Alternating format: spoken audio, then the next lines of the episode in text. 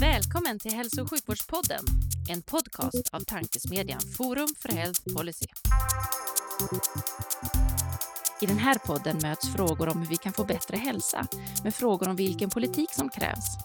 Det kommer bli samtal om personcentrering, ledarskap, digitalisering, organisation, politik och mycket mer.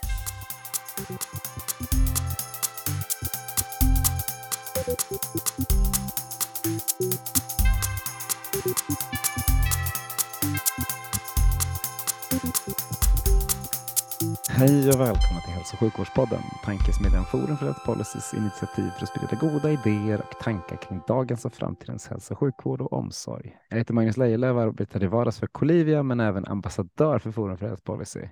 Och idag har jag förmånen att ha välkommen en entreprenör som utmanar det befintliga med en bakgrund från att förändra energiområdet men även vården som samtalsämnet under barndomens middagar. Varmt välkommen Hjalmar Nils Sonne. Tack så mycket Magnus. Uttalas efternamnet så eller? Nilssonne, absolut. Ja, bra. Då har, då har vi fått en bra start även på den. Jag bommade här en veckan och uttalade fel. Det blir ingen bra start. Du, eh, starten kommer även att kastas in i frågan. Hur tror du att svensk hälso och sjukvård ser ut 2040? Jag tror till att börja med att det absolut viktigaste man ska tänka på när man tänker på 2040 är att saker kan se ut och fungera väldigt, väldigt mycket bättre än hur de fungerar idag det finns en ganska stor uppgivenhet om att vården funkar dåligt och den kommer alltid funka dåligt. Eller det finns en brist på liksom, förhoppning om att något skulle kunna funka bättre. Det tror jag inte har någon bas i verkligheten. Så, så som vi ser på det så är det ganska solklart och oundvikligt att 2040 så kommer sjukvården baseras på mycket, mycket mer data. Man kommer kunna få in mycket mer information om vad som händer med folks hälsa. Inte bara med hjälp av diagnostisk utrustning i ett läkarrum, utan på grund av alla saker som folk har på sig, olika sätt som de mäter sin data med. Och sen så kommer tolkningen av den datan göras av um, datorer som har otroligt mycket bättre förmåga än människor att hitta och dra rätt statistiska slutsatser. Vilket kommer göra att besluten som fattas om ens hälsa kommer vara baserat mycket mer på en själv som individ och kommer ha mycket mer förankring i vad som är sannolikt att funka för varje enskild individ snarare än att titta på det på gruppnivå. Um, och det här kommer leda till ett sjukvårdssystem där mycket mer av dem som kan få hjälp av vården får hjälp av vården. Uh, mycket mer av det som kan förebyggas kommer förebyggas. Och um, även de som jobbar i vården kommer jobba på ett helt annat sätt som kommer funka mycket bättre för dem. Vad härligt. Det där är fina. Eh, ljuv musik. De, vi tar dem vidare sen. Jag tänkte bara fråga dig, för du, du sa just att eh, vi tycker att det pratas liksom negativt om vården, att det inte blir bättre och så. Och samtidigt när man mäter svensk hälso och sjukvård mot, mot annan hälso och sjukvård så är vi alltid rätt bra. Och liksom kvaliteten på vården är bra. Vi överlever länge. Vi har en lite dålig tillgänglighet förvisso, men, men det är ganska bra ändå. Vad, hur, hur är din känsla? Kommer det och, för, för vi kommer ju höja, ribban höjs ju hela tiden och i, i och med att nästa generation kommer in så liksom höjs ju, kommer kraven att vara, jag vet inte hur höga, men, men enorma. Tror du mm. att vi kommer att kunna möta dem? Alltså, börja med, man brukar säga att alla gillar sin läkare och ingen gillar sjukvårdssystemet. Och det är lite så. Hälsan är extremt viktig för folk och när man får hjälp är man enormt tacksam och eh, känner en otroligt förtroende ofta för sin läkare. Samtidigt så känner man ofta ett, ett, ett väldigt stort eh, misstroende mot sjukvårdssystemet som helhet, de finansiella motiven bakom tillgänglighet som du nämnde. Och det stämmer bra att liksom, om du tittar på svensk eh, typ cancersjukvård och andra saker som vi gör på NKS, eh, det riktigt specialiserade, då är vi duktiga i Sverige. Så precis som du säger, nackdelen med Sverige är att det är vårdköer. Fördelen är att det är vård för alla. Så det har sina fördelar och nackdelar. Men eh, om du stannar tio personer på stan och frågar vad de tycker om liksom, deras tillgång till primärvård och vård innan de är allvarligt sjuka så kommer sju eller åtta av tio säga att de inte är jättenöjda. Det är i alla fall vår, vår erfarenhet. Och precis som du säger, det, eh, konsumenters förväntningar eh, förändras ju hela tiden. Och nu tycker man, men det är såklart jag måste kunna få prata med en läkare om jag har ett medicinskt problem. Precis, för jag tror de flesta kommer att säga, precis som du säger, att, att de inte är helt nöjda med tillgängligheten och så. Och samtidigt om man, frågar, om man liksom lägger in den ekonomiska aspekten och säger, skulle du vilja bo någon annanstans, få din sjukvård någon annanstans och betala för det, så jag är inte helt säker på att svaren kommer att bli likadana. Ja, både ja och nej skulle jag säga. Det finns ju en enorm medicinsk turism samtidigt som vi har en väldigt stark förankring i det vi känner till. Så jag kan säga till exempel, jag bodde i Japan under studietiden och eh, fick en hjärnskakning där. Och då mm. när jag skulle gå till vården eh, där, då började jag tänka, ah, jag undrar om jag kan hitta någon svensk läkare. För jag tror inte att japanska läkare inte är duktiga. Men av någon anledning kändes det tryggare för mig med en svensk läkare. Och det där ser man, om du pratar med en bangladeshisk primärvårdsläkare i Sverige så kommer han berätta att jättemånga med bangladeshisk bakgrund i Sverige vill träffa honom. Mm. Eh, så det, man, vi har ju en väldigt stark koppling när det kommer till hälsa till vår egen kultur. Och det tror jag också leder till att man känner, um, man vill gärna vara i sitt eget sjukvårdssystem. Det är det som känns tryggast och det är det man känner till.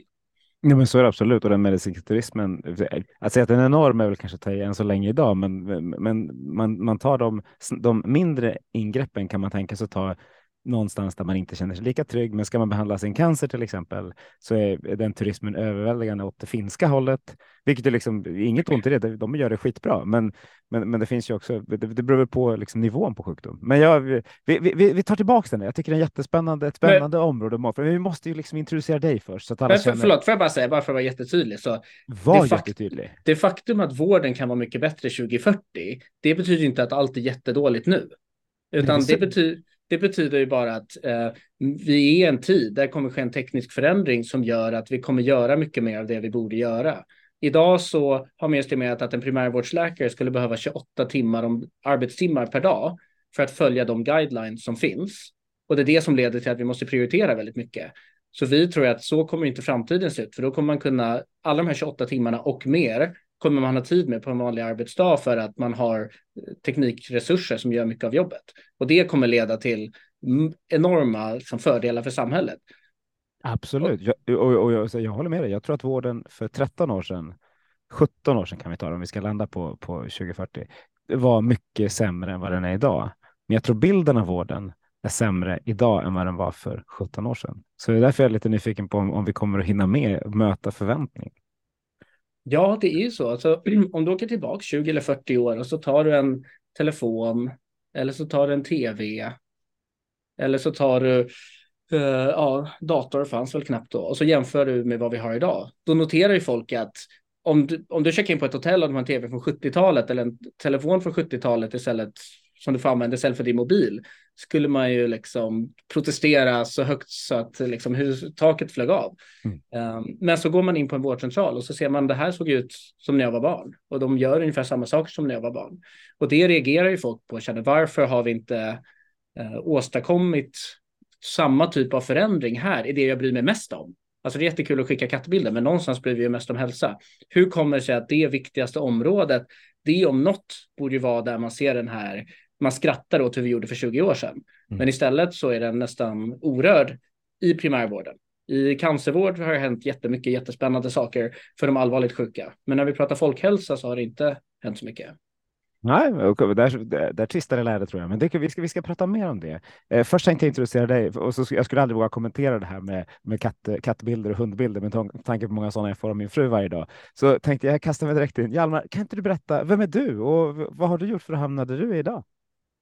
Så jag är född och uppvuxen här i Stockholm. Jag kommer från en läkarfamilj, så min farfar hade en läkarmottagning här för över hundra år sedan.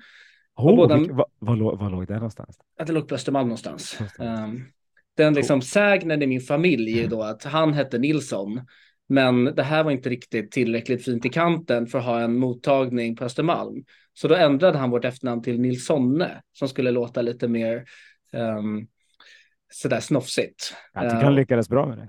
Ja, på den vägen var det. Och sen är båda mina föräldrar läkare och professorer och min äldsta brorsa är läkare och forskare. Så det är den miljön som jag är uppvuxen i och jag är yngst av tre bröder då, så jag valde att gå en helt annan väg och eh, blev till slut ändan ingenjör inom energiteknik och jobbade tio år med omställningen till ett hållbart energisystem med mycket fokus på AI och datainsamling. För även på energisidan så visar det sig att de, många av de stora problemen är rena informationsproblem. Att hur vi driftar elnätet um, är samma sätt som vi gjorde för hundra år sedan, det vill säga att vi krämar på en massa el på ena sidan och på andra sidan använder folk den här elen och uh, det finns egentligen ingen kommunikation mellan de här två. Um, så, så det är väl det jag har gjort större delen av mitt liksom, yrkesverksamma liv. Och sen då för... du, du, låter, du är alltså svarta fåret som går och blir ingenjör i... Ja, det kan man säga. Jag, jag det, låter, det, det, låter, det låter som ni har klarat det bra i familjen. För att du inte skulle liksom tappa all respekt för mig så skippade jag delen där jag inte gick klart gymnasiet och eh, sådär. Så, så det, var, det var verkligen en, en period av, ska jag säga, inte samma akademiska framgång som vissa andra i min familj. Um, du verkar ha klarat det bra, bra hittills. ja, Sverige är ett eh, fantastiskt eh, samhälle på så sätt att man kan göra komvux, man kan ha högskoleprovet och man kan få en andra chans eh, om man känner för det, vilket jag kände för. Snyggt.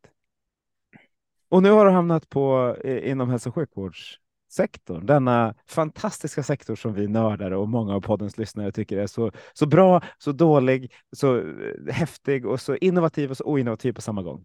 Mm. Ja, men det som är bra det. För ungefär fyra år sedan så startade jag Neco Health tillsammans med Daniel Ek med målsättningen att bygga ett eh, helt nytt typ av medicinteknikbolag som jobbar med en annan tidshorisont och eh, med ett fokus inte på var pengarna och uppmärksamheten är idag, utan vart vi tror att framtidens sjukvård kommer att handla om och bygga produkter och verktyg för det.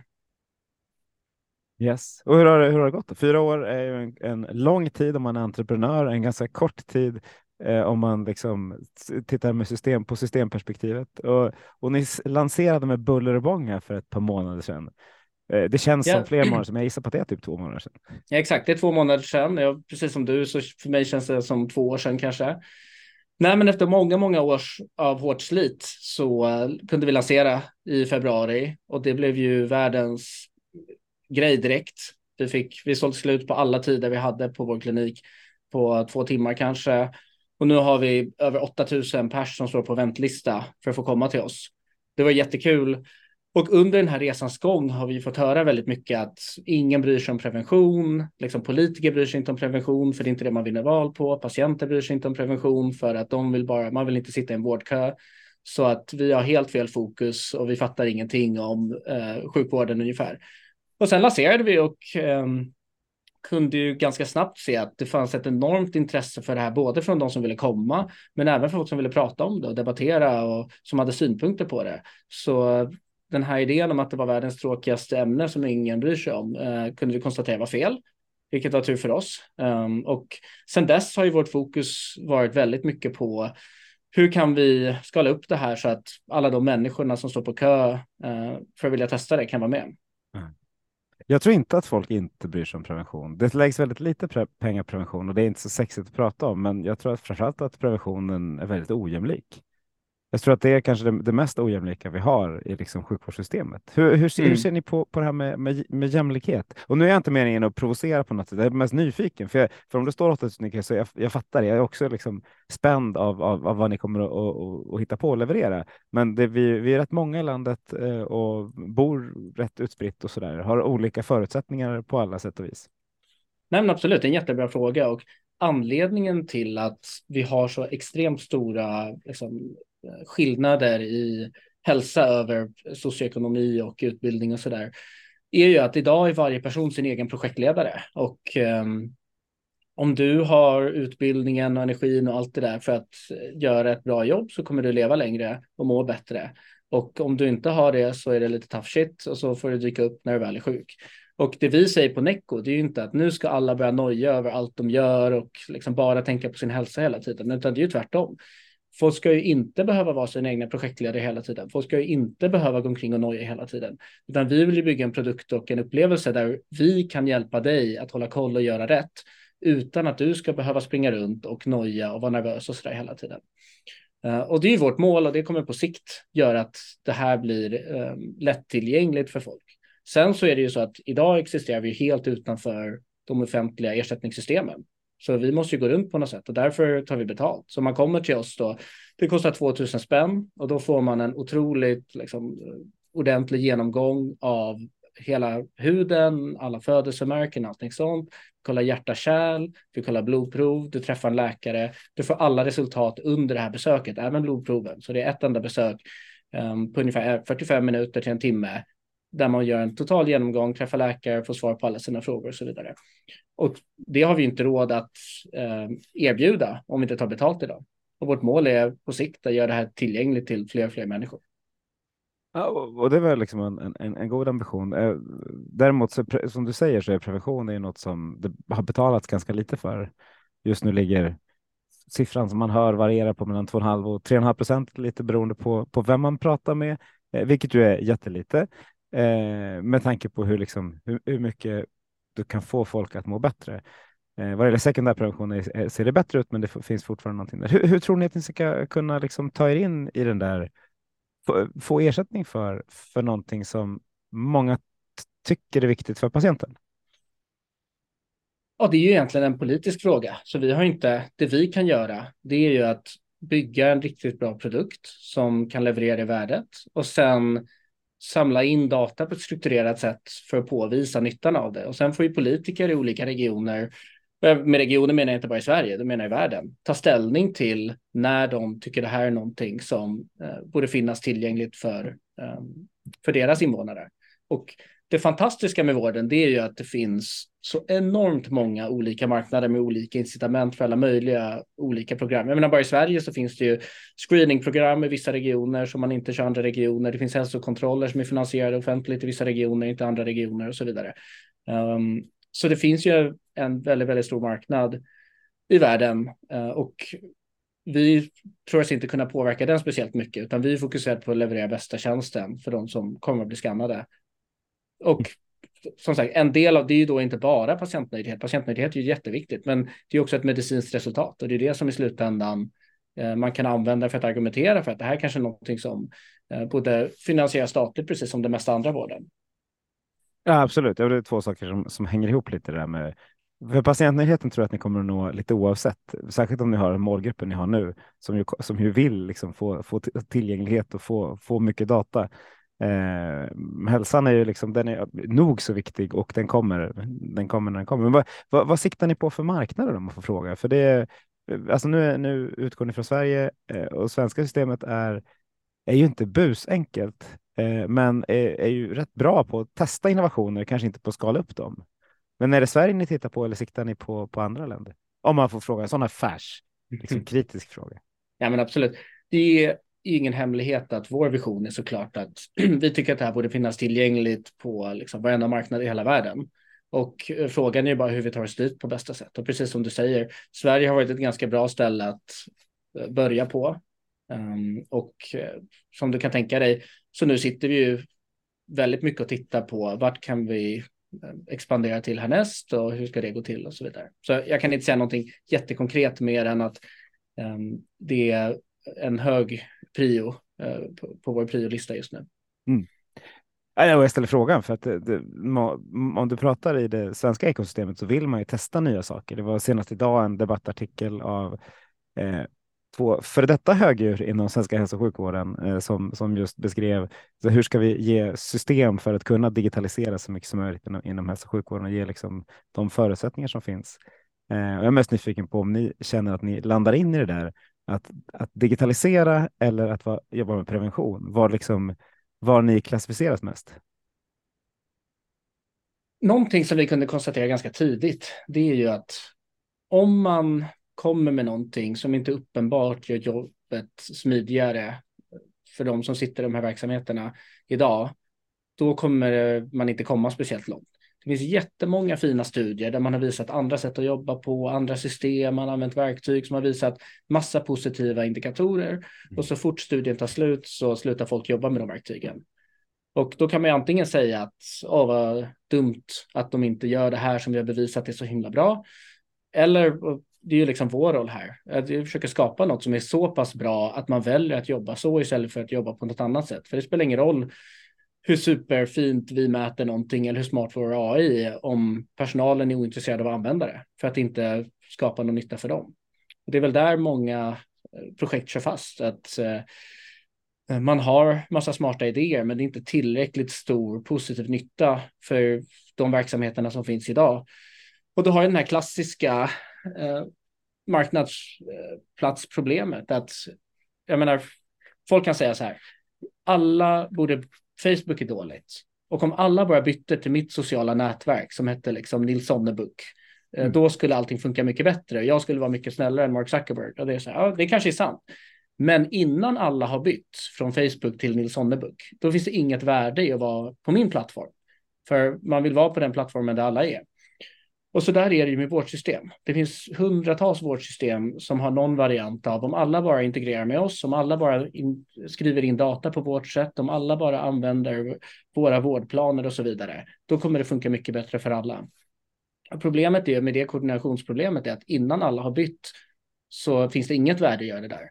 Så där sitter tio idéer som alla är bra på sitt sätt, men de har ingen reell chans att eh, bli implementerade om inte alla byter och det enda sättet att få alla att byta i princip är något tvingande centralt.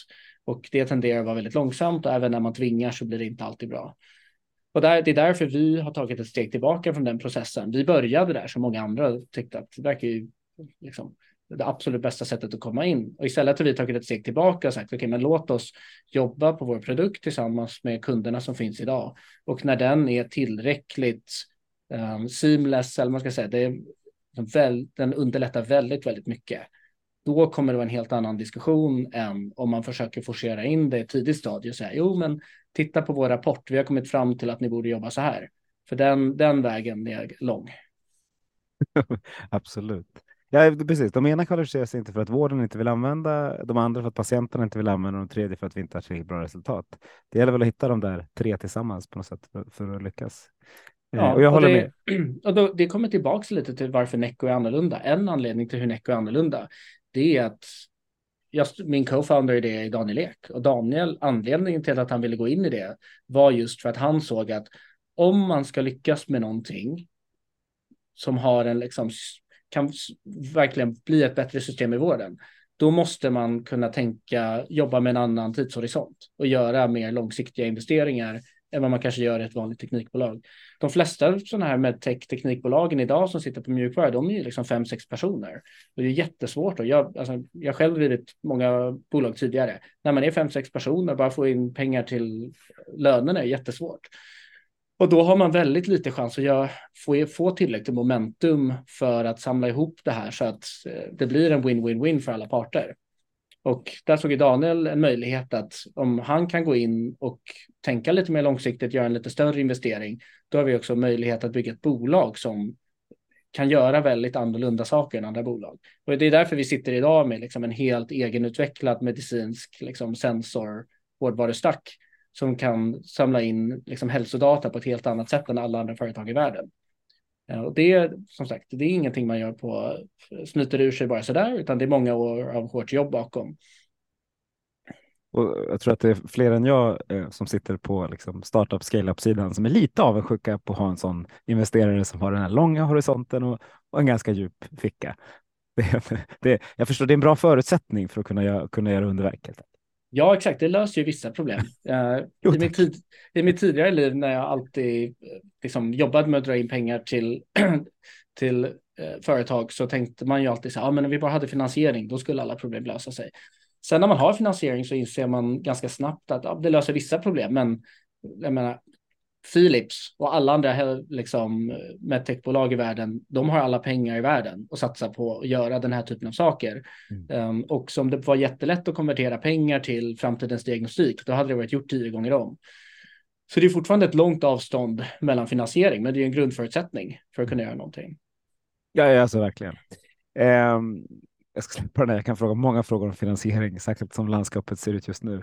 Men eh, om, om, man tar sig vidare, och, när ni nu har tittat på andra länder, för jag utgår från att ni faktiskt har tittat på, på liksom Nederländerna, Storbritannien, amerikanska systemen, kanske Kanada, lite, lite den typen av, av, system som liksom liknar oss, men, men ändå har. Se, ser ni några, är det någonting som ni skulle sno till, den, till det svenska systemet? Någonting i liksom setupen som så här, om jag, vi som, som aktör från utsidan som försöker förändra någonting, eh, och liksom oavsett värdering man lägger i vad ni försöker göra. Vad, vilket system, vad, vad, vad från andra system skulle du vilja ha i Sverige? Eller blir det en för svår fråga nu? Nej, men man kan väl säga så här. Utmaningen med prevention, med att skapa värde via prevention, det är ju att det är väldigt svårt att påvisa det värdet. Och i vissa marknader, eh, till exempel vissa marknader i USA, då har man ju ett helhetsansvar, kostnadsansvar för folk. Och där har vi bolag som Kaiser Permanente som gör helt andra saker än vad man skulle göra i vården i Sverige för att man vet att eh, man kan spara jättemycket pengar genom att hålla folk friska. Så Kaiser Permanente gör sådana saker som att eh, köpa all mat till en familj där någon har prediabetes. Eh, för de, det kostar, om jag, om jag minns rätt, 30 000 dollar per år. Att de skickar hem bara massa färska grönsaker och sådana där saker till den här familjen helt gratis. För de vet att när du väl har diabetes och du står på det sedan 20-30 år, då kommer det att kosta dem 40 eller 50 000 dollar per år. Så det är ju otroligt häftig modell där man får in liksom helhetsansvaret och det är ju det bästa sättet kanske att få ihop incitamenten i vården. Att istället för att få betalt för att göra saker så tittar man över en persons vårdbehov över hela livet och försöker så tidigt som möjligt göra bästa möjliga saker. Mm. Nu är ju amerikansk sjukvård liksom, har massa andra problem. Um, ja, de, bästa med, system, de bästa systemen mm. är helt fantastiska och de flesta systemen är ganska dåliga. Mm. Nej, men exakt. Mm. Ja, men det är bra. Casper, det är ett exempel som kommer upp ofta här när jag frågar liksom om och vilka system man tittar på så, så, så, är det det. Lite för att vi har pratat så mycket om det i Sverige och haft många delegationer dit, men också just för, för helhetsansvaret. Eh, man kan köpa att det, det, finns en fördel vad det gäller just det preventiva utan tvekan. Eh, I Sverige försöker man ändra det lite. På, på vissa ställen, så det, till exempel i Stockholm, så finns det en hälsoobligation där man har lagt pengar på just prediabetiker när du tänker på dem eh, för att hålla dem friska med liksom, tekniska verktyg. Det, har ni liksom tittat på hur ni kan få med den typen av lösningar också? Eller hur, hur, hur har ni liksom resonerat kring just, just pengarna? Även om du har Daniels pengar, höll jag på att säga. Men... Nej, men absolut. Så, de här hälsoobligationerna är ett jätteintressant eh, instrument och det ska bli spännande att följa hur det går med dem. Det, vi, det enda som är viktigt för oss är att inte vara beroende av eh, externa finansiärer som government Ehm, för att kunna finnas eller för att kunna fortsätta vår resa. Utan vi vill jättegärna samarbeta med den här typen av instrument över tid, men vi vill inte vara beroende av dem för, att, för vår överlevnad. Och um, där har vi börjat med den, det vi gör nu, vilket är att ha en kundgrupp som vi kan liksom, jobba mot direkt. Och sen över tid så kommer vi nog ingå mer och mer sådana här samarbeten där man har alternativa affärsmodeller som gör att man kan nå fler människor. Men nu är de första som säger att vi inte vill vara beroende av offentliga medel eh, och ändå jobba inom hälso och sjukvården. Är det liksom, är, är, ser ni under en liksom långsiktig framtid att det är den privatpersonen som, som ska stå för det här? När man jobbar med innovation, som du säkert vet, då är en av de viktigaste sakerna att få någon typ av feedback på om man gör rätt saker. Aha, och iterera och när man inser att det man gjorde inte var smart så testar man något nytt och så vidare. Och när man jobbar i en modell då som bygger på, lite apropå det här med liksom eh, alla, man måste få med sig alla från Facebook. Det är lite likadant, okej vi kan komma ut med det på alla Sveriges vårdcentraler, men då måste vi vinna en upphandling. Då kanske det tar sju till tio år innan man egentligen får feedback på om man bygger rätt produkt. Och det är väldigt lång tid innan man får riktig feedback av marknaden. Och det är att då antar vi att man ens vinner den här upphandlingen och man antar att det ens blir ett Eh, införande. Det finns, jag kan berätta flera historier om där det har funnits både upphandlingar, budget och andra saker.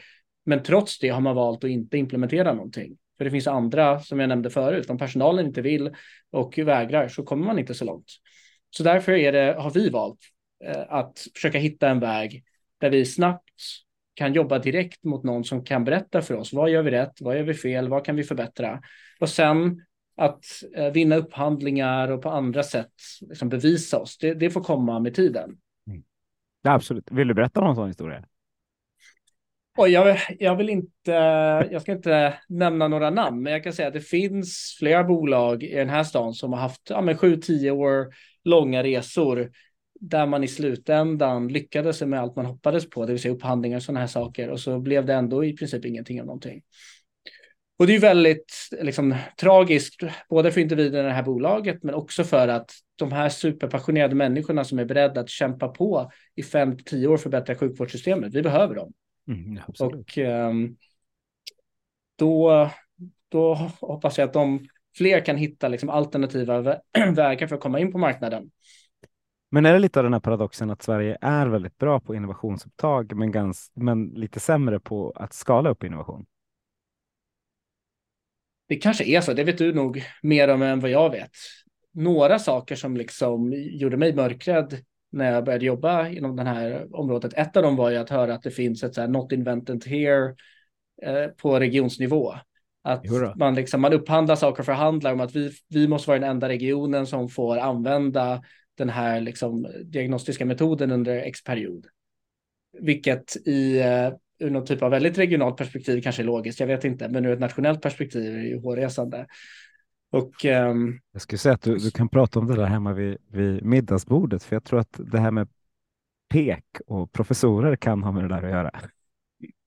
Ja. Men, men, men precis, men, det är en annan fråga. Det där, det där är för övrigt min eh, brorsas forskningsområde, det som heter metavetenskap.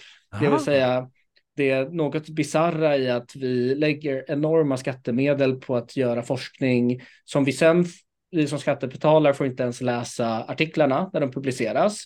Och vi får ännu mindre rätt att faktiskt kolla på datat som har samlats in för att kunna förstå vad det är som faktiskt har gjort och lära oss från det. Så det, det är väl något annat där man skulle kunna få en ganska stor förbättring ska vi säga, för gruppen som helhet om man kunde lösa vissa av de här incitamentsproblemen vi har på lägre nivå. Jag kan hålla med. Låter som jag får bjuda min brorsa också till podden. Mm. Vad heter, eh, jo, på tal om data, för något som nämns väldigt mycket just nu runt om i Sverige är hälsodata. Eh, ni har ju både hälsodata, sjukvårdsdata och någon slags friskhetsdata. Om jag lyssnar på dig och tänker att ni borde få liksom hela delen av data. Hur, hur tror du, hur skulle du vilja i en liksom våt dröm att den används i att är den data som ni tar fram används eh, för framtidens patienter i sjukvårdssystemet i Sverige?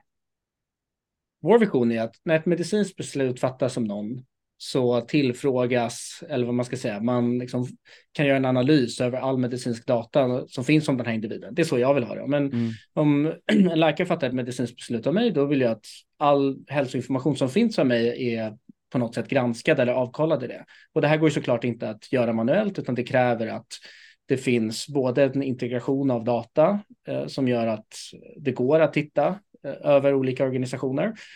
Idag så, eh, jag tänker ibland att min farfar då som hade mottagning, han visste nog mer om sina patienter än vad en primärvårdsläkare idag vet om sina patienter. För han hade i alla fall kontinuiteten. Medan idag så har vi, du pratar med Kry, du pratar med 1177, du går någonstans, det händer någonting och inget av det här hänger ihop. Så egentligen har man ganska lite information idag i, i de individuella vård, ehm, vårdbesluten. Så allt det där borde finnas tillgängligt och som patient tror vi att det kommer gå mer och mer mot att man själv har rätt att uh, ha tillgång till sin data och bestämma över vad som får hända med sin data. Så det, det, det tror jag är en, en tidsfråga. Och sen exakt hur det ska gå till. Vi hoppas ju vara en del av det, att hjälpa till att få den förändringen att hända. För, för, för den förändringen skulle man gärna se. För, det, för din farfar tror jag vet, visste mindre om sina patienter än vad min telefon vet om mig. För jag tror att om man, alltså om man tittar på så mycket som vi registrerar nu, både i liksom form av rörelse, i form av vad vi använder för appar, i form av beteende som vi har, så vet liksom telefonen, även om den eh, härligt nog inte har så mycket känslor och kan formulera ihop det där till någonting, så har den väldigt mycket koll. Men man skulle väva ihop det där, eh, någon slags framtid, och det får ni gärna förändra. För där, där tycker i alla fall en, en patient som jag, eller blivande patient kanske man ska säga, eh, att det går lite långsamt eh, med att ha, skapa beslutsunderlag för oss patienter framåt. Mm. Och det är bara att gå tillbaka till incitamenten. Så vem har vem jobbar på det problemet och tycker det är viktigt? Ja, det är inte de på NKS som är jätteduktiga på liksom cancervård. Det är inte de som sätter, sitter med telemedicin, för där handlar det om att stöka av snabba besök. Och, eh, utan det måste ju vara en ny typ av spelare som är intresserad av att jobba med, med både datan och sjukvårdstillfället på ett annat sätt. Så som mm. sagt, där ser vi att det finns en roll som behövs och den försöker vi, där försöker vi bidra med något. För min känsla är att många jobbar med det fast i respektive silo. Alla skapar väldigt mycket data som, som är väldigt bra och liksom med goda incitament och goda grunder rakt av. Men så kommer det liksom hänger inte ihop till slut. Mm. Eh, ser, ni att ni, ser ni att ni vill integrera andras data, data eller bli en del av någon större integration? Vad är liksom er vision kring det? Nej, men vi vill att det ska hända. Om det är vår plattform eller någon annans plattform, det är svårt att säga det vi kan säga är att vi försöker ta helhetsansvaret och titta på helheten och då, har, då är all data användbar. Så vi har faktiskt en anledning att vilja få ihop det här på ett bra sätt. Medans, för att gå tillbaka till lite det vi pratade om innan, de allra, allra flesta bolag, de jobbar ju ganska nischat. De har en device för astmapatienter. De har en device för hjärtsviktare. De har en device för diabetiker och så är de jättefokade på det. Så för dem att använda liksom dina glukosdata för annan diagnostik eller blodsockernivådata, det är ju inte relevant för de är superfokade på, på de som har diabetes. Men om, de, om deras produkt kan bli mer värdefull för att den har användbarhet för fler människor eller för mer typ av diagnostik, då tror vi att det kommer vara positivt för dem. Så vi tror ju att det behövs någon som tittar på helheten, som tittar mycket mer preventivt för att få ihop de här olika datatyperna. Och sen måste vi skapa incitament då för att någon ska, som vi pratade om innan med Facebook, då, varför ska man bry sig om just Neco? Mm. Vi måste skapa tillräckligt mycket momentum och en tillräckligt intressant affär för att de här som sitter på andra datatyper ska se att det är tillräckligt intressant för dem att ansluta sig. Mm. Och, och, en sån sak som eh, kommer upp varje gång vi pratar hälsodata är alla gränser, eh, juridiska gränser mellan kommuner, regioner, länder, Eh, när jag hör dig prata så ser, hör, jag, hör jag världsherravälde och jag tänker att då måste vi riva gränser. Hur, hur ser ni på liksom, vilka gränser har ni stött på och hur har ni försökt approchera dem? Det är ganska bekvämt i EU nu att det finns ganska mycket regelverk på EU-nivå om hur man ska förhålla sig som gör det relativt eh, straightforward skulle jag säga och USA speglar om varandra ganska mycket. Så jag skulle säga att den delen är nog inte jättekomplicerad. Det finns undantag som om man bestämmer sig för att göra Brexit till exempel, eller liksom tyska marknaden, lite sånt där. Eh, men jag skulle säga det handlar mer om tankesättet, både hos patient och läkare, än den legala, eh, de legala frågorna. Men jag tänker att ni, ni borde ju titta på 2,8 miljarder kineser och japaner, eller Indien menar jag, framåt eh, också. Och då kommer nya liksom, gränser in och kommer liksom, nya problem som egentligen inte borde finnas. Hur, hur, hur angriper man det och blir ändå en del av systemet? Ja, igen, entreprenörer. Jag fattar, jag fattar också att mm. ni har startat nu, ni har ett antal patienter. ja. Men jag bara, jag bara inser, jag blev sugen på att tänka på det. Nej, men så här, entreprenörens roll, det är att skapa en produkt som är tillräckligt bra att de här barriärerna inte blir så himla stora. Ett exempel från energivärlden är att man inför de här smarta elmätarna som man kallade dem, det vill säga elmätare som kan läsa av elkonsumtionen i ditt hem automatiskt. Mm. Och det här var ju en besparing för elbolagen som inte behövde skicka ut någon gubbe då, som skulle läsa av mätarna. Och i nästan varje land så skapades ju en rörelse mot det här. Där folk sa, vad i helvete, nu får ni massa data om mig, men vad får jag? Eh, och så stämdes de om massa sådana här saker. Och det är ju det klassiska problemet, att om du ber att få någonting, men du inte levererar tydligt värde tillbaka, då kommer det vara folk vara väldigt skeptiska. Men om du har någonting där det är väldigt tydligt att okej, okay, ni får tillgång till mer data, men jag får tillgång till mycket bättre sjukvård till exempel. Då är det en helt annan diskussion. Så vårt fokus är att se till att vi gör någonting som är tillräckligt bra, att det blir en no-brainer eh, när man sitter i de där eh, frågorna kommande liksom 5, 10, 20 åren. Mm. Men vad kan vi lära oss av det då? För jag tänker energimarknaden är en rolig sån, som, eller rolig, den var ju rätt jobbig i vintras, men jag har sällan hört så många som pratade eh, om Tibber och om el, spotmarknader och om el som jag har gjort, eh, gjorde i vintras bland mina vänner. Det säger också att jag bor i någon slags villaförort med där, där, som, hus som läcker eh, energi. Men, men liksom, vad, vad, kan vi lära oss av din förra värld nu när du kastar dig in i den här världen? Men det är lite intressant, för eh, energi är ju också extremt politiskt. Mm. Det, har, det påminner om sjukvården för att det är en väldigt nära blandning av liksom nationella intressen och en fri marknad och konsumenters liksom, eh, efterfrågan på olika saker och ting. Och precis som du noterar, det kan flippa väldigt, väldigt snabbt. Och inom sjukvården såg vi liknande med corona, att liksom digitala vårdbesök, diagnostik, massa sådana här saker som historiskt sett inte var nödvändigtvis eh, populärt eller folk tänkte på blev super, blev folk jätte, jätteintresserade av och såg ett jättestort eh, värde av. Så konsumenter kan ju svänga väldigt snabbt. Jag menar, elbilar är ett annat sånt där. Liksom att på fem år så har det gått från ingen har talat om en elbil till alla vill ha en elbil.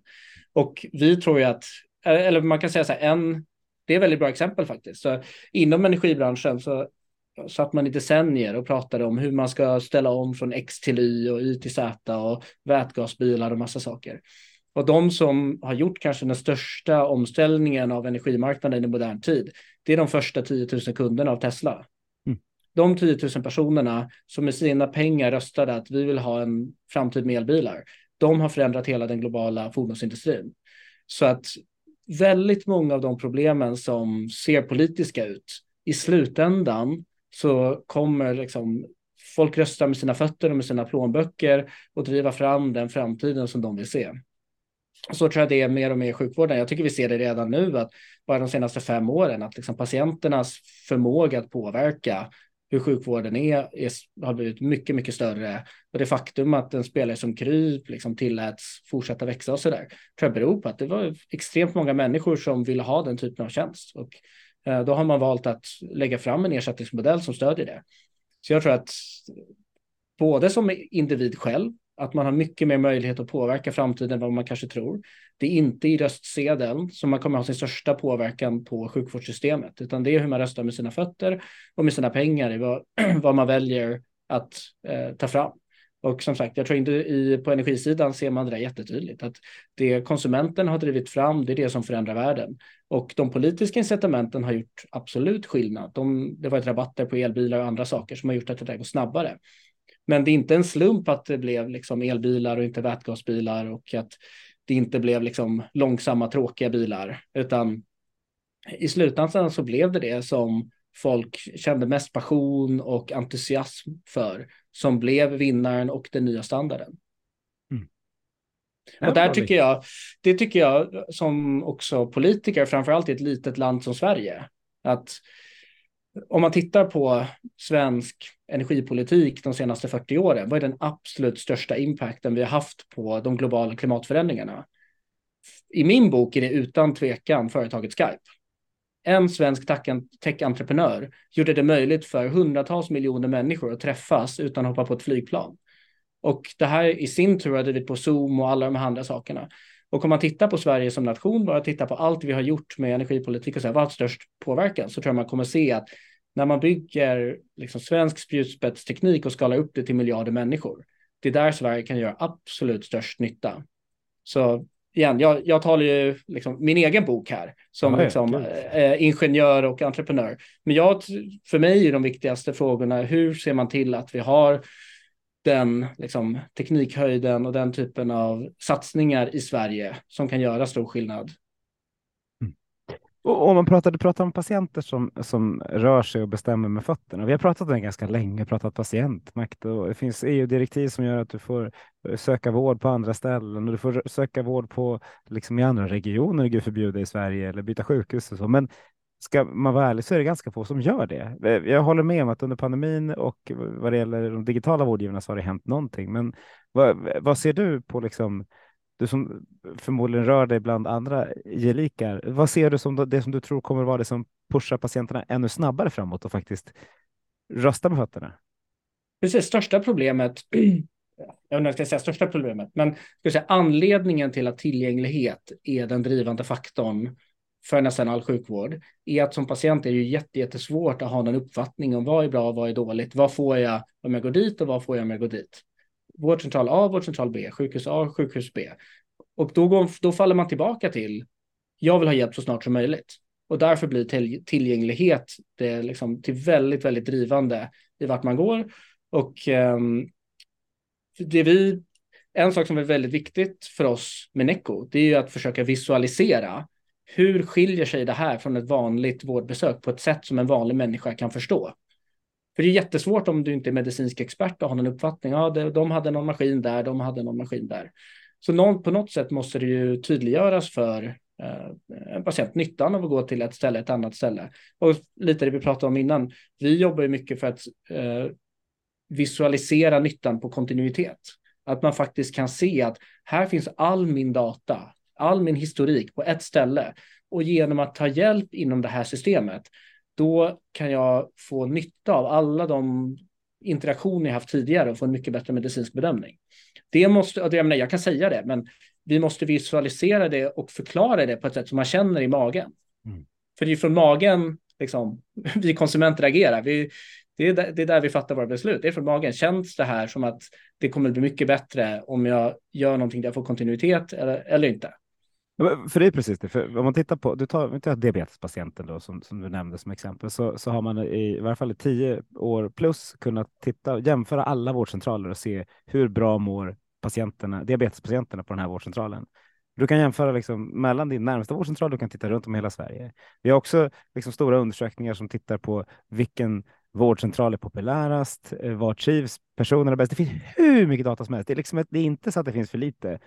Eh, och det är relativt okej visualiserat i respektive silo. Men jag som patient, om jag inte är sjukvårdsnörd som kanske undertecknad då, har inte en chans att veta vad jag hittade eller vad jag ska göra. Hur, hur, ska, hur ska vi lyckas visualisera det här på ett så bra sätt som mm. möjligt? För det finns i appar, det finns på mm. hemsidor, mm. det finns liksom, om du googlar kommer du hitta det, men det är ingen som gör det. Så vi har en vårdcentral också. Så Neco då, där gör vi scanning med vår teknologi och vår upplevelse som vi utvecklat på Regeringsgatan. Men vi har också en vårdcentral på Kungsholmen som heter Atrium. Och det är en offentligt finansierad, vi har, liksom, vi har avtal med Region Stockholm och vem som helst kan lista sig där. Och när vi öppnade Atrium, eh, där, den jag kan förklara lite kort bara, där gör mycket av vår mer avancerade klinisk forskning gör vi på Atrium. Så där har vi som avancerade ultraljud, andra instrument som gör att vi direkt på plats kan göra mycket mer eh, utförliga undersökningar utan att behöva skicka remisser. Och då sa vi okej, okay, vi vill bli Sveriges bästa vårdcentral. Det är vårt mål. Kanske Europas bästa vårdcentral, men låt oss börja med Sverige. Och då kontaktade vi regionen och sa vi, okej, okay, men kan vi få ut KPI-erna, tack, eh, alltså indikatorerna på kvalitet från alla Stockholms vårdcentraler så vi kan se var ligger de och var ligger vi? Mm. Och då kan vi se, är vi bra eller är vi inte bra? Men då fick vi svaret att det inte gick att få ut den datan, utan att vi kunde vända oss till individuella vårdcentraler om vi ville ha ut deras information. Så jag tror vi kunde få ut ett snitt kanske i Stockholm eller något sånt där. Så inte ens för oss som hade en verksamhet var det speciellt enkelt att förstå om vi var bra eller dåliga jämfört med andra vårdcentraler. Och då igen kan vi tänka sig hur lätt eller svårt det är för en patient eh, att hitta rätt. Ja, det är sant. Så, och, ja. och det, du, du är väl tillbaka till det så här, hade du kollat hur, hur ligger det till kontra andra på inom ett visst specifikt sjukdomsområde så skulle ni kunna hitta det.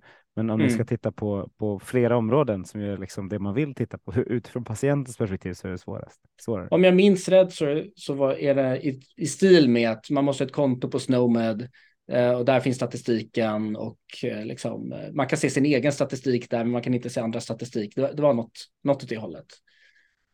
Eh, absolut, och det finns det, det är just när man går. Men det går att titta om jag sitter på, på NDR och tittar på Atriums vårdcentral så kan jag liksom mm. se hur ni, hur ni ligger till kontra andra. Ja. Men då, då är jag just inne på ett, liksom ett sjukdomsområde som jag då som, som nörd var inne och tittade på nu för att jag mm. kan inte hålla mig. Eh, men men, men har, det, det, är intressant att det är så svårt och ska det vara svårt så hur, hur, ska, vi, hur ska vi tillgängliggöra den här informationen tycker du då? Till att börja med kan vi säga att det är jättesvårt att mäta eh, kvalitet i vården. Jag menar, du har, det här klassiska att de bästa läkarna får de svåraste patienterna. Så det är ju väldigt svårt att mäta och det som är lättast att mäta är vad man gör. Mm. Du kan mäta operationer och du kan mäta, du sätter in medicin och så vidare. Är det samma sak som att mäta kvalitet? Självklart inte. Så det är ju svårmätt. Och jag menar, en, det är lätt att klaga och säga, ja men alla folk är så liksom, de, bakom flötet, att de inte satsar på, på prevention, de har inte fattat någonting. Men sanningen är att det är jättesvårt att göra effektiva preventionsåtgärder på ett sätt som är mätbart. Och därför är det för liksom många stakeholders inte attraktivt att göra det. För man kan inte se exakt eh, vad man tjänar på det, annat än i några vetenskapliga rapporter som gör någon modell för och så vidare. Så igen, vårt perspektiv på det är inte att säga att folk tänker fel, utan då måste vi skapa verktyg för att göra prevention eh, som funkar, som är enkla att använda, där det blir tydligt. Och, och, det är så här, det är enkelt eller svårt. Sekundär prevention eh, efter att ha inträffat ett, ett sjukdomsfall, det är ju relativt enkelt att mäta. Därför mm. där så ser man värdet. Det finns ganska mycket pengar att spara på att undvika en hjärtinfarkt eller en stroke eller så. Eh, riktar ni, ni riktar er mot, är det enbart primärprevention eller är det båda? Eller vad har ni, vad har ni, liksom, vad, vad har ni siktat in? Just för att jag, jag tänker att den enklaste frukten att bevisa vad man själv ska göra är just det sekundära. Mm man kan säga att vi har ju en kombination. Så hos oss får en jätteordentlig läkarundersökning och det är att vi hittar odiagnostiserade problem eh, och saker som behöver adresseras direkt, som vilket liksom årskontroll eller läkarbesök som helst. Sen utöver det har vi eh, liksom primär och sekundär prevention som vi kan göra till, till olika delar. Men vi tror inte på att renodla det till, som jag nämnde förut, till vi gör bara det här, utan vi tror vi, man måste skapa ett paket där man får hela paketet på köpet. Mm. Ja, det är det, det är det paketet man ska hitta. Man hade velat ha som aktiekurs, någon slags så här hälsoindex. Hur mår stockholmarna idag? Eller hur mår Sverige idag? Mm. Och det kommer tillbaka lite till det här med Kaiser Permanente. Att istället om du har en modell där du faktiskt bär kostnaden på eh, helheten, då behöver du inte fanatiskt mäta de olika delarna annat än för din egen skull. För att um, då har du dina outcomes inom ditt system så, som du kan följa. Det underlättar ju väldigt mycket. Medan när man delar upp det här i olika silos och sen ska man försöka skapa incitament för att justera till det så folk gör rätt saker. Det blir mycket mer komplicerat. Ja, absolut, och samtidigt så har vi ju, är det ju statliga pengar till de flesta av de sakerna som, som du har nämnt som, som Kaiser har. Så det är, liksom, vi har, det är ju mm. samma stora konkurs som vi tar pengarna ur, eh, men vi kanske fragmentiserar dem lite mycket. Ja, alltså man vill göra så mycket av möjligt av det som gör nytta och så lite av möjligt av det som inte gör speciellt mycket nytta. Och det är det som är svårt för att eh, ja, incitamenten i de flesta av vårt system är ju att gör man någonting så får man betalt. Mm. Och, eh, min pappa som ortoped, han brukade säga att liksom det, det som var svårt i hans yrke var ju att bestämma när man skulle göra något och när man inte skulle göra något. Även om ortopeder tenderar till att göra något oftare än inte göra något. ja. och, och till er lyssnare så är ortopeder bland de roligaste läkarna, så det är, inte, det är inget negativt alls där. Definitivt eh, de gladaste läkarna tror jag. Precis. Och de som opererar helst. Eh, vad heter det? Jo, eh, du nämnde Tesla. Tesla är ett bra exempel. Det är ett, det är ett innovativt exempel som vi pratar rätt ofta om. Om du hade velat plocka med dig någonting från Tesla till svensk hälso och sjukvård, vad hade det varit? Det de har gjort exceptionellt bra, det är ju att hela tiden ta ett steg i vad efterfrågas. Hur får man någon att bli riktigt exalterad över det här? Och sen på det lägga på teknik som ligger lite, lite före vad som är liksom helt moget, vilket gör att deras bilar är liksom tio gånger smartare än alla andra bilar. Um, och sen varit innovativa i sin distributionsmodell, det vill säga att istället för att gå till car dealerships och allt det här gamla så har de hittat ett sätt att distribuera det här direkt till slutkunden. Och egentligen är alla de tre sakerna tror jag liksom nyckeln till framgång. Att å ena sidan hitta någonting som folk brinner för idag, göra det med tillräckligt hög liksom, verkshöjd så att du bygger någonting som verkligen dramatiskt kan förbättra den här typen av tjänst för framtiden. Och sen hitta ett sätt att distribuera det där du inte är blockad av um, ska vi säga, de traditionella systemen som har helt andra incitament kanske än att göra en omställning av fordonsflottan till exempel. Där det för car dealerships är det antagligen en negativ sak snarare än en positiv sak. Och är man beroende av dem igen, då kan man hålla på 7-10 år och jobba på sin stora liksom, utrullning till car dealerships utan att veta om man jobbar på rätt sak. Mm. Så det tror jag är eh, en stor lärdom. En annan lärdom eh, från Tesla är väl eh, lite som jag sa i början. Det går att förändra globala problem. Det går för individer att adressera de liksom globala utmaningarna. Och som sagt, några tusen människor har ställt om hela den globala fordonsindustrin. Två killar från Rågsved har ställt om hela den globala musikindustrin. Det är möjligt. Och Jocke, därför är... Jocke Tåström och vem? Nej, jag skojar. Det är möjligt. Vi har sett det förut och samma sak kommer hända inom sjukvården, utan det kommer vara möjligt att göra sjukvård som är mycket bättre för de som jobbar i den, mycket bättre för patienterna, kostar samhället mindre Mm. Och eh, jag vet inte om det är vi som kommer göra det. Vi kommer försöka. Vi kommer göra, bidra så mycket vi kan. Um, Ja, precis. Det är många aktörer som vill bidra. Det tycker jag är helt rätt. Och det tror jag, tror jag väldigt många av oss uppmuntrar, att det kommer in fler aktörer som försöker förändra. Så någonting kommer liksom, någon vattendroppe kommer ju karva ur den där stenen. Mm. Men om man då har Daniel Ek med sig, eh, så förutom att det finns en bra, ett långsiktigt tänk, vilket ju måste vara väldigt skönt som entreprenör, eh, att ni får eh, oproportionerligt mycket media för att vara, vara en ny, ny aktör. vad, vad, vad, vad har ni liksom, kan ni plocka med något från den där musik, musikundret på Spotify? Är det ni gör nu? Ja, exakt. Om man tänker på resan med Spotify så hade vi eh, skivbolag som förlorade alla sina intäkter över några år på grund av liksom, piratkopiering. Vi hade artister som inte fick betalt och vi hade folk som älskar artister eh, som eh, inte eh, liksom eh, kunde utnyttja musiken vad ska jag säga, på ett lagligt sätt så hela Sverige gjorde någonting olagligt. Så det var en helt ohållbar liksom, situation och det var en enorm låsning där, där alla sa vi vill inte jobba på något annat sätt ungefär. Um, och upplevelsen av musik på konsumentsidan var väldigt ojämn. Så liksom, du laddade ner musik, ibland var det bra, ibland var det inte bra, ibland var det du trodde att du skulle få, ibland var det ett virus. Och vi ser ju det här som lite likadant, att okej, okay, då kan man antingen jobba på att göra någon ny liksom, eh, CD-krypteringstjänst som gör att det blir svårare att rippa musik för att stoppa Pirate Bay 0,0001 procent mer. Eller ska man helt tänka om, okej, okay, men hur borde det här funka? Vad skulle vara en bättre modell för alla inblandade, för skivbolagen, för konsumenterna, för artisterna? Och det krävde ju en, det var ju liksom en väldigt eh, järv, ska vi säga, sätt att bygga ett företag på för att det var ett så, så stor omställning man skulle behöva eh, komma till skott med. Och det har ju tagit det folk inte, alltså du vet, varje overnight success har tagit 10-20 år. Så jag menar, det var ju bara några år sedan, alltså jag tror det var två år sedan kanske som Spotify lanserade i 50 marknader till. Mm. Det vill säga, de 50 marknaderna har fortfarande inte gått över till streaming än. Eh, på grund av att det tar tid att förändra de här gigantiska systemen. Och sjukvården, min poäng då, det är lite likadant. Idag får kvaliteten är väldigt ojämn. Nästan de olika aktörerna i det här sjukvårdssystemet är inte nöjda med hur det funkar idag. Men det är väldigt, väldigt svårt att få till skott en förändring. Utan man sitter där, man tycker det funkar inte, men man är också väldigt eh, inte så positivt inställd till att man gör på något annat sätt. Mm. Och då försöker vi göra precis det Martin och eh, Daniel gjorde, vilket är låt oss bygga en bättre tjänst. Låt oss visa att det fungerar, att det blir en bättre outcome för alla i det här systemet. Och sen låt oss bygga på det och det kommer ta tid och eh, liksom i vissa marknader kommer det gå snabbare, i andra marknader kommer det gå långsammare.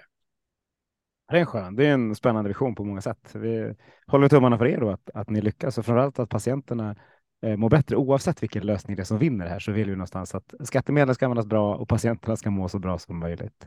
Mm. Eh, när du kom in i det här digitala rummet, för vi kör ju också på, på liksom Skype-devisen och jobbar, spelar in digitalt här. Eh, hur, eh, var det någonting du hade velat prata om som du tycker att jag inte har lyft? Mm. Ja, men en av våra, liksom, det vi är väldigt passionerade över, det är ju AI och förmågan för datorer att tolka enorma, enorma datasätt eh, på ett sätt som sparar människor enormt mycket tid. Och eh, det här tror vi kommer, man kan säga vården är ju fundamentalt, liksom, vi, vi brukar säga att det är tre delar. Den första delen är datainsamling. Om du går på ett vårdbesök, då du pratar med läkaren, du blir skickad på röntgen och tar något blodprov, allt det är datainsamling. Mm. Steg nummer två är statistisk inferens, det vill säga vad kan vi dra för slutsatser av data vi har samlat in? Och steg nummer tre är prata med patienten om det här är det som har hänt eller kanske har hänt. Det här är åtgärder vi föreslår. Hur funkar det för dig? Och så funderar man på hur kommer det se ut på liksom 5, 10, 15 års sikt? Ja, datainsamling. Människor är ganska bra på det en bra dag, men datorer och liksom kameror och sådana här saker är också extremt bra på det. Objektiv datainsamling. Statistiska slutsatser från 10 000 parametrar är människor jättedåliga på. Prata med en annan människa på ett sätt som de förstår. Ja, det är människor mycket, mycket bättre på än vad datorer är idag. Och vi tror att de där två sakerna tillsammans kommer att det är möjligt att simultant öka liksom, kvaliteten på vården liksom, 10-100 gånger kanske, samtidigt som kostnaden på vården kan minska 10-100 gånger kanske. Mm. Jag tror att det är där vi ibland pratar om de som är i vårdsystemet, som ser framför sig att okej, okay, men om vi kommer och säger nu ska vi satsa mer på prevention och följa de guidelines som finns, då betyder det ni ska göra mer jobb. Och så säger de, vi har inte tid att göra mer jobb. Vi jobbar arslet av oss. Och de har ju helt rätt i det. Och på samma sätt som om du gick till en liksom, datoringenjör på 70-talet och sa, vet du vad, vi ska stoppa eh, en dator som är 10 000, stark, 10 000 mer kraftfull än den bästa superdatorn idag i varenda ficka på varenda människa på hela jorden. Så skulle de säga, men det är helt, det är helt, säger sig själv, det är helt omöjligt. Mm. Även om vi liksom, eh, även om det var så litet så finns det inte tillräckligt många fabriker, det finns inte tillräckligt många ditten och tillräckligt många datten. Och det är det man ser framför sig när man ser en sån här bild. Hur ska det gå till? Och sanningen är såklart att jo, men med teknologi så kan det vara möjligt att göra saker väldigt, väldigt mycket bättre med väldigt, väldigt mycket färre resurser. Så i takt med att vår datainsamling och eh, analys kan göras mer och mer automatiseras eh, så betyder det att det, mm, läkarna kan lägga sin tid på kommer vara mycket, mycket mer det högkvalitativa läkarjobbet. Och det kommer göra att väldigt många av de sakerna som prioriteras bort idag kommer man kunna göra mer eller mindre helautomatiserat. Och mm. där tror vi liksom, eh, det kommer gynna alla i det här systemet. Det är väldigt um, okontroversiellt skulle jag säga att det är dit världen är på väg. Um, så uh, det är en resa som vi, vi ser väldigt mycket fram emot att vara med på. Och uh, som sagt, vi, vi är ett företag som om vi gör det bra så kommer kunder att vara intresserade. Om vi inte gör det bra så kommer de inte vara det. Nej, det är så här ja. som marknadens förutsättningar lite fungerar. Ja, och då får man feedback förhoppningsvis så snart som möjligt så man kan göra så mycket av det meningsfulla som möjligt.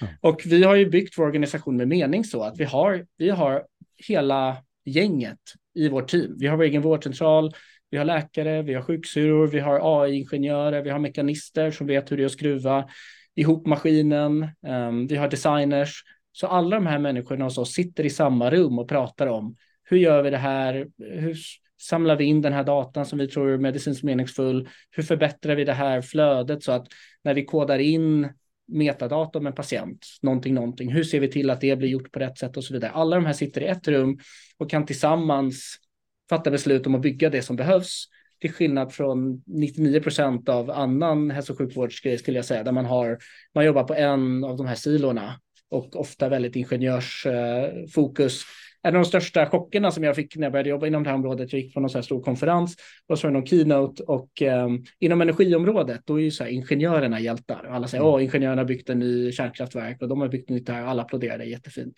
Och så var jag på den här sjukvårdsmässan och första talaren är så här, ja, och sen som ni vet, liksom, ingenjörerna har byggt något jättedåligt journalsystem och alla applåderar.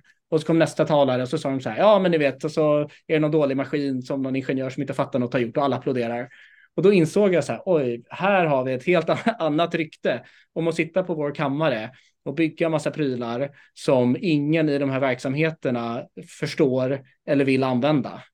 Um, det har varit en väldigt viktig liksom, drivkraft i hur vi bygger bolaget, att försöka ha med så mycket discipliner av det som är viktigt i ett och samma team.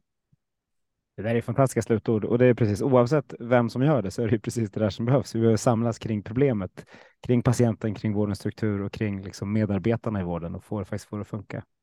Men du Hjalmar, då skulle jag tacka varmast för att du var med i den här dryga timmen i hälso och sjukvårdspodden. Jättekul att prata med dig. Ja, tack så jättemycket för att jag fick komma. Ja, då går vi ut och förändrar svensk hälso och sjukvård till det bättre. Då.